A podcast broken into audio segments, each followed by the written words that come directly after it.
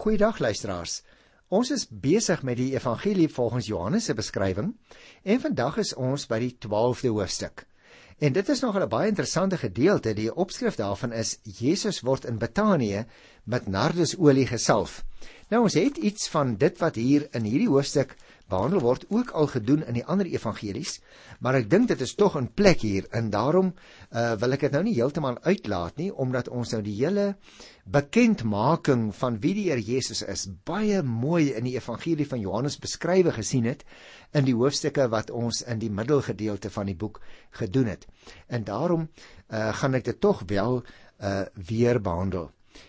In hierdie gedeelte waar die Here Jesus met nardesolie gesalf word, uh, kan ons miskien net vir mekaar sê nardus was 'n baie welriekende maar ook 'n peperduur olie hoor wat van die berge van Indië af ingevoer is daarna wat ons vandag ken as Palestina.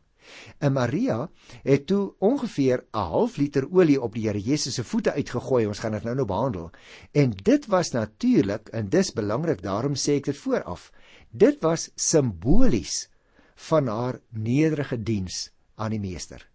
Gewoonlik is die olie op iemand se kop uitgegooi as teken van gelukwensing. So sy is regtig laag en nederig aan die voete van die Here.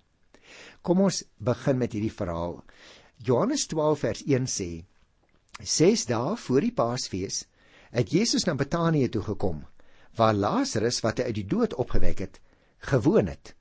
Die Here Jesus is nou baie duidelik op pad na Jerusalem toe en dit is 6 dae voor die jaarlikse Paasfees. Nou kom hy hier aan in Betanië. Betanië word so omskryf dat die leser herinner word aan die groot wondertekens, naamlik Lazarus se opwekking wat pas tevore beskrywe is in die 11de hoofstuk wat ons in die vorige program gedoen het. Die tweede vers sê daar het hulle vir Jesus 'n ete gegee. Martha het bedien en Lazarus was een van die wat saam met hom aan tafel was. Die Here Jesus geniet dus luisteraars, lyk dit vir my teken die prentjie saam met my so bietjie nê. Die Here Jesus geniet as dit ware die hoofmaaltyd van die Joodse dag, naamlik die aandete. Saam met 'n groep inwoners van die dorpie wat waarskynlik die wonderteken van Lazarus se opwekking uit die dood meegemaak het. Martha het hy al bedien. Lazarus se naam word spesifiek genoem as een van die tafelgenote. Daarom is dit te betwyfel of die ete in Lazarus se eie huis kon plaasvind het. Dan sou dit waarskynlik nie genoem geword het dat hy ook aan tafel was nie. Maar nou ja, dit is nie finaal seker nie.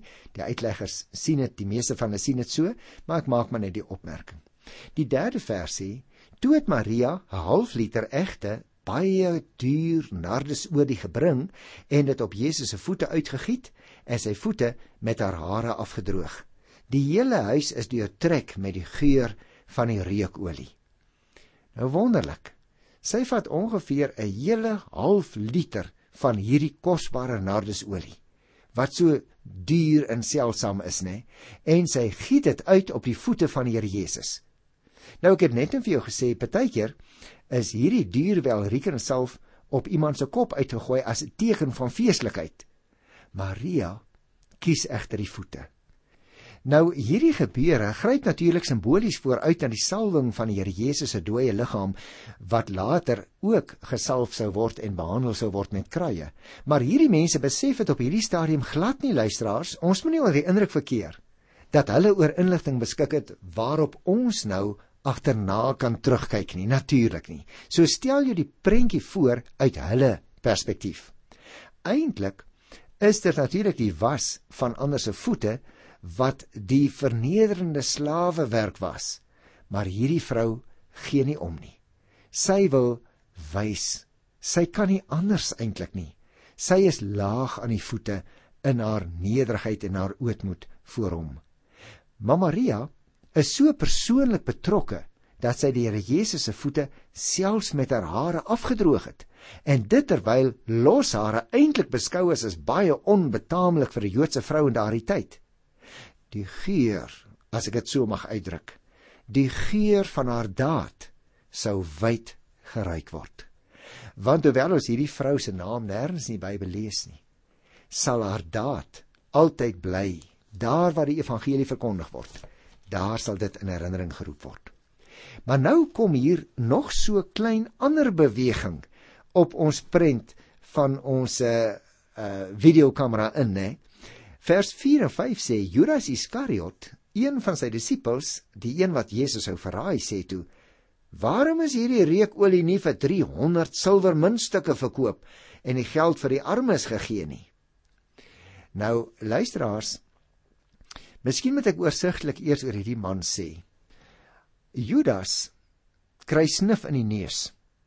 Hy meen dat sulke kosbare salf liewer verhandel kon geword het en vir ongeveer 300 rand verkoop kon word. Hy dink aan die kwantiteit muntstukke wat oor Jesus se voete vloei, nie aan die kwaliteit liefde waarmee dit gebeur het nie. Jy sien Judas Iskariot is een van die disippels van die Here Jesus. Hy is die een wat Jesus uiteindelik sou verraai. Hy snuif die reuk op in sy neusgate en dan maak hy beswaar dat sulke kosbare salf nie liewe verkoop is vir 'n groot bedrag geld nie. Die som totaal van 'n arbeider se dagloon vir 'n hele jaar lank. Soveel geld, meen hy, kon die armes se lot verlig het. Nie dat hy waarskynlik in sy hart veel oor armes gedink en vir hulle baie gevoel het nie, maar nietemin. Kom ons kyk na vers 6. Dit het hy gesê: nie omdat hy hom oor die armes bekommer het nie. Dit is hoekom ek nou nog gesê het hy het seker nie vir hulle veel hart gehad nie, maar omdat hy 'n dief was. Hy het die beursie gehad en hy het van die bydraes gevat. My liewe aarde wil ek amper uitroep, het jy dit al in die Bybel raak gelees van tevore? Hier staan dat hy die beursie gehad, dit het die meeste van ons geweet, maar ons het nie almal geweet hy het van die bydraes gevat nie. Nietemin. Die evangelieskrywer gee daarop sy eie kommentaar. Hy sê Judas was 'n dief. En hy wou die opbrengs liewer vir homself toegeëien het as om dit ooit hoegenaamd aan die armes te gegee het. Judas het met ander woorde as penningmeester sou ons in ons tyd sê, as penningmeester van die groep se beursie opgetree en daarom het hy die geld hanteer. Judas het sy ware motiewe agter mooi woorde verberg. Maar Jesus het natuurlik geweet wat in sy hart aangaan. Jy sien, die front wat Judas voorgehou het, dit klink baie edel, maar sy innerlike oortuiging is korrup. Hy's inderdaad 'n die dief. Wanneer die alledaagse optrede nie rym met die mooi voornemens nie, dan is goed klinkende woorde hol en leeg luisteraars. Judas sou selfs so ver gaan met sy korrupsie om sy leermeester vir 30 silwerstukke te verkoop. Skrikwekkend. Maar tog onbegryplik. So was dit God se plan. Luister na vers 7. Toe sê Jesus: "Laat haar staan. Sy moes dit hou vir hierdie dag om my te salf vir my begrafnis." Die Here Jesus keur egter Maria se daad goed. Hy steur hom nie eers aan ou Judas se opmerking nie. Dit is so goed asof Maria Jesus se liggaam alreeds versorg soos by sy begrafnis, sê die Here Jesus. Haar daad het dus simboliese, as jy wil, profetiese betekenis. Maar of die disippels dit werklik gesnap het en die inhoud daarvan begryp het, dit weet ek nie. Ek twyfel, né? Maria se daad is 'n daad van absolute opregtheid en eerlikheid. En dit is ook dan, soos ons hier lees, profeties en simbolies. Die daad slaan op Jesus se begrafnis wat binnekort gehou gaan moet word. Maar let nou op die reaksie wat daarop is, want in die 8ste vers voeg die Here Jesus by: "Die armes het julle nog altyd by julle, maar vir my het julle nie altyd by julle nie." Die Here Jesus se weggaan is naby ja en hulle sal hom nie altyd by hulle hê nie. Maar die armes oor wie Judas nou skielik so bekommerd is, die armes, ag ou Judas, hulle sal altyd by jou wees as jy hulle wil versorg en troos. Jy hulle self dalk met oor die syfer self, jy sal altyd nog die geleentheid hê. Jy het altyd die armes by julle Judas. Dit gaan dus nie nou oor geld nie, maar dit gaan oor die betekenis van Jesus se dood en van sy opstanding. En dit is wat voorop staan. Maar hulle het nie regtig begrip daarvoor nie. Nou kry ons die volgende opskrif: Die besluit om Lazarus dood te maak. Baie van die Jode het verneem dat Jesus daar is en daarheen gekom, nie net ter wille van Jesus nie, maar ook om vir Lazarus te sien wat hy uit die dood opgewek het. Jy sien, die berig oor Lazarus se opwekking en Maria se salwing van Jesus se voete het versprei soos 'n veldbrand. En baie mense, met ander woorde groot skare, Jode nogal, het jy gesien, het na Betanië toe gestroom, die 3 km daar min of meer van die tempel af tot by Betanië. Die evangelieskrywer beklemtoon nou dat die skare eintlik vir Lazarus wou sien om nog eens aan sy lesers die grootheid van die wonderwerk voor te hou en daarom die byvoeging by Lazarus wat hy uit die dood opgewek het. Die storie het versprei. Mense was baie nuuskierig en nou het hulle gekom om met hulle eie oë te kyk, né, want die Afrikaanse spreekwoord, jy sal dit mos ken, sien is glo. Nou luister nou na vers 10. Die priesterhoofde het toe besluit om ook vir Lazarus dood te maak. Nou luister as mens kan dit nog verstaan. En hier staan die rede omdat baie van die Jode deur hom na Jesus toe oorgeloop het en in hom geglo het. O, oh, hierdie hierdie priesterhoofde daarom, né? As hoofde van die priestergroepe en ook die gesaghebende party in die Joodse raad wat moes waak oor die Joodse godsdienstige lewe waarlik waar hulle gaan besluit toe om ook vir Lazarus dood te maak. Kan jy dit glo? Hulle wou as dit ware enige moontlike getuienis vir al hierdie laaste man wat uit die dood opgewek is, vir hulle wou vir hom wou hulle uit die weg ruim. Hy rokkel nie alleen baie tradisioneel godsdienstige Jode na Jesus toe oor nie, sê hierdie mense vir hulself, maar hy is 'n lewende monument vir die opstanding waarin ons, die priesterhoofde en die sadiseërs natuurlik nie glo nie. Ek kan my voorstel dat dit hulle baie onrustig moes gemaak het. Want jy sien, daarom wil hulle nou ook vir Lazarus doodmaak. Die hele vertelling wentel dus om 'n interpretasie van Jesus se eie opstanding. Ek wil nog net dit byvoeg luisteraars sodat ons die prentjie goed in ons uh, gedagtes kan bære. Die priesterhoofde se blindheid, hulle hartvogtigheid, het hulle nog dieper in hulle verhardheid laat wegsink. Hulle die Messias verwerp. En nou het hulle planne gemaak om hom te vermoor. Maar nou boonop besluit hulle om Lazarus, die beroemdste getuie wat hy op daardie stadium het, om sy beroemdste getuie saam met hom dood te maak. Hulle haat en hulle nait het 'n ketting-effek. Hulle het geglo dat hulle beskuldigings teen die Here Jesus geregverdig was, omdat dit godlasterlik was om te sê dat jy God is. Hulle wou Lazarus eintlik maar net bloot dood hê omdat hy 'n lewende getuienis van die Here Jesus se almag was. Jy sien, sy opwekking het klaarblyklik 'n geestelike wat sal ek noem, 'n geestelike staatsgreep tot gevolg gehad. Wat ek daarmee bedoel is, die gewone voetvolk het eenvoudig gesê maar as Jesus iemand uit die dood kan opwek, dan is hy meer as net 'n gewone mens. En dit wou die Jode in die kiem probeer smoor. Daarom besluit hulle nou ons moet nou maar liewer vir Lazarus ook doodmaak. Ag, luisteraars, as die Joodse leiers maar net die verlossende hand van God in die Here Jesus se optrede kon raak sien. Maar hulle is so verblind in hulle haat, hulle is so verbitterd dat dit by hulle geen indruk gemaak het nie. Nou gaan ons nog so 'n bietjie verder luisteraars want die volgende perikopie is ook baie interessant. Die Die intog van Jerusalem word hier beskryf. En dit is natuurlik 'n baie belangrike gebeure. Want jy sien die Johannese weergawe van die intog is baie beknopter as by die ander 3 evangelies. Vir Johannes is die Here Jesus se intog onvoorwaardelike teken dat God sy eiendomsvolk besoek. Jesus bring die ewige lewe, maar hy bring ook die ewige oordeel. En dit is die dinge wat vir Johannes die evangelis voorop staan. Die 12de vers van Johannes 12 sê: Die volgende dag het die groot menigte mense wat na die fees toe gekom het gehoor dat Jesus na Jerusalem toe kom. 'n Groot menigte feesgangers. Ek het al vir jou gesê, die uh, geskiedskrywer Flavius Josephus sê dit daar by sulke geleenthede soms 'n paar miljoen mense was. Nou baie van hulle het natuurlik uit Galilea gekom.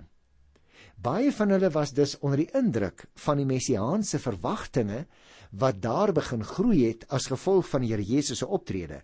Baie het natuurlik uit ander wêrelddele gekom. Die 13de vers sê: Hulle het palmtakke gevat en Jesus tegemoet gegaan en uitgeroep: Prys hom, loof hom wat in die naam van die Here kom, die koning van Israel. O, oh, luisteraars, die dag waarop Jesus Jerusalem triomfantelik binne gegaan het, staan bekend tot in ons tyd as Palmsondag. Met die aanbreek van sy laaste week hier op aarde, het die Here Jesus Jerusalem dan op binne gery op 'n donkie, terwyl die mense die palmtakke voor hom oopgegooi het en sy koningskap luid besing het. Die Here Jesus kondig daarmee aan dat hy die Messias is. Daar sou dus, dit kan ek verstaan, groot skares gewees het wat sonder twyfel sou saamkom om te kyk en te luister wie is die man op wie die hosannas dan nou so gesing word. Die palmtakke in hulle hande is natuurlik 'n simbool van oorwinning. Gaan kyk maar ook in Openbaring 7 vers 9 daar sien jy dit ook kry. En Jesus is die een wat sou kom roep hulle uit. Dis natuurlik volgens die voorsegging van Sagaria gaan kyk maar Sagaria 9 vers 9 en selfs ook in Psalm 118 daar by die 26ste vers. Hy is die koning. Hy kom die stad binne gery op 'n vul. Hulle wil die Messias groet. Nou vir Johannes is dit alles die vervulling van die profeseë en daarom haal hy dit ook aan wanneer hy sy evangelie hier neerskrywe die 14de vers sê Jesus het toe op 'n jong donkie geklim wat hy daar gekry het soos daar geskrywe staan: Moenie bang wees nie, Sion. Kyk, jou koning kom en hy ry op 'n donkie. Die Here Jesus kom op 'n vul die stad ingery. En die uitdrukking Sion wat ons daar in die 15de vers kry, dui dan 'n kollektief op die inwoners van Jerusalem. Hulle moet verseker weet dat die koning van Israel by hulle is, al is dit op 'n donkie. Miskien sou juis die verwysing na die donkie in hulle gedagtes aan die Ou Testament die profesie van Sagaria wakker roep. Die 16de vers sê: Jesus se disippels het hierdie dinge eers nie verstaan nie, maar nadat hy verheerlik is, het hulle daaraan gedink dat wat daar geskrywe staan op hom betrekking gehad het en dat dit met hom gebeur het. Dit is vir ons wonderlike inligting hier dat Ou en Nuwe Testament so naby mekaar lê want jy sien ek het jou al van tevore gesê baie van die dinge wat ons in die Nuwe Testament lees se wortels word teruggevind in die Ou Testament. Nou hierdie 16de vers is natuurlik vir ons van baie groot belang want die disippels het die werklike betekenis van hierdie gebeure eers nie verstaan nie. Jy sien dit is eers nadat die Here Jesus opgewek is uit die dood nadat die Heilige Gees dit aan hulle verduidelik het Dit kan jy gaan lees in Johannes 15 vers 26. Eers toe het hulle begin verstaan. Op hierdie stadium het hulle waarskynlik ook nog bepaalde politieke verwagtinge gehad. Terugskouend sou hulle kon sien hoe Jesus hulle tot 'n ware begrip van sy sending gelei het. Die Heilige Gees wat later in harte gewerk het, ook deur die woord van die Ou Testament en van God gekom het, Broers en susters, dit gebeur nog met jou elke dag en met my. Dat die Heilige Gees dit wat in die Bybel opgeteken is, neem, op ons harte bind en sê, dit is vir jou persoonlik bedoel. En ons begryp sy bedoeling wanneer ons gelowig en bidtend op die influistering van die Heilige Gees wag elke dag. Kom ek lees vir jou vers 17 en 18. Die mense wat by Jesus was toe hy vir Lazarus uit die graf geroep en hom uit die dood opgewek het, het gedurig daaroor gepraat. Daarom het die menigte vir Jesus tegemoet gegaan. Hulle het gehoor dat hy hierdie wonderteken gedoen het.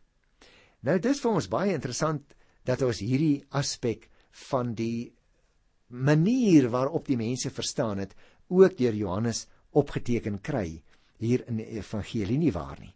Want jy sien, die skare wat 'n klompie daarvan tevore gesien het hoe Lazarus opgewek word, het 'n getuigende skare geword. Nou nie net 'n kykende skare nie, maar nou is hulle 'n getuigende skare en hulle getuienis het nog al groter skares na die Here Jesus toe gelok. Die mense het na Jesus gekom omdat hulle gehoor het dat hy wonderlike dinge, dat hy selfs die dood uit iemand se lewe kan verjaag. Baie se lof en aanbidding was waarskynlik egter nog op 'n baie oppervlakkige manier, selfs van korte duur, want binne enkele dae sou baie van hulle saam skree dat hy gekruisig moes word. Jy sien, daar's 'n verskil tussen 'n sensasionele saamskree met die menigte en 'n opregte geloofsaanvaarding dat Jesus inderdaad die seun van God is. En dit moet ons nooit vergeet nie, luisteraars. Ons moet versigtig wees om opgesweep te word deur die skare. Aan die ander kant moet ons ook nie skaam wees nie om ons getuienis wie die Here Jesus Christus vir ons persoonlik is om dit gereeld te laat klink nie. Maar nou let op die laaste vers. Die Fariseërs het toe vir mekaar gesê: "Sien julle? Julle rig niks uit nie. Kyk, die hele wêreld gaan agter hom aan." Nou, dit is 'n interessante opmerking wat ons hier lees. Want die Fariseërs praat nie met die skare nie. Het jy dit opgelet in die vers? Hulle praat met mekaar. Hulle probeer mekaar beïnvloed en sê hoorie kers, ons moet nou wakker word uit ons droom. Ons kry nie hierdie man se reputasie gestop nie. Kyk hoe loop die mense agter hom aan. Kyk hoe haal hulle die Ou Testamentiese geskrifte wat ons beter ken as hulle, hoe haal hulle daai geskrifte aan en hulle maak dit op hom van toepassing. Hulle het heel waarskynlik vir mekaar ook gesê: "Hoorie manne, hoorie broers, dalk Onthou julle wat Sagaria gesê het lank gelede? Wat nou hier gebeur moet vir die skare geweldig aangrypend wees. Want hulle onthou skynbaar ook die profesie van Sagaria dat die Messias gaan kom op 'n eselsvul. Jy sien luisteraar, wat ek wil hê ons moet verstaan wanneer ons hierdie gedeelte lees, is dat dit mense was soos jy en ek. Daar buitekant is die skare, baie besing werklik die lof van die Here Jesus in opregtheid omdat hulle hom aanvaar het en hom bely as die Messias wat gekom het. Ander mense in die skare sing maar net saam in die koor as ek dit so mag uitdruk. Nog ander in die skare het verkeerde verwagtinge. Miskien is hy ons koning en nou gaan hy die Romeine verjaag hier uit Jerusalem en ons gaan weer alles terugkry. Maar behalwe die skare met sy verskillende groepe mense wat in hom saamloop, is daar die donker groep. Die wiegene wat besig is om vir mekaar te sê ons is eintlik besig om te misluk. sien julle manne, ons rig niks uit nie. Die hele wêreld, almal in die strate loop agter hom aan. Ek sou saam met jou wil uitroep luisteraar, God dank dat hy sy hand op my lewe gelê het. God dank dat ek deel van die skare mag wees wat elke dag in die strate van my dorp of van my stad waar ek woon loop. Maar God dank dat ek die Messias ken. Nie omdat ek goed is nie, omdat hy sy hand uit die miljoene mense in die wêreld op my lewe gelê het. Is dit met jou al so? Besing dan saam met my vandag hier oor die radio die lof van die koning prys hom, loof hom wat in die naam van die Here kom, die koning. Moenie bang wees nie. Kyk, jou koning kom. Hy ry op 'n donkie. Wow! Ek groet jou in die naam van die koning. Tot volgende keer. Totsiens.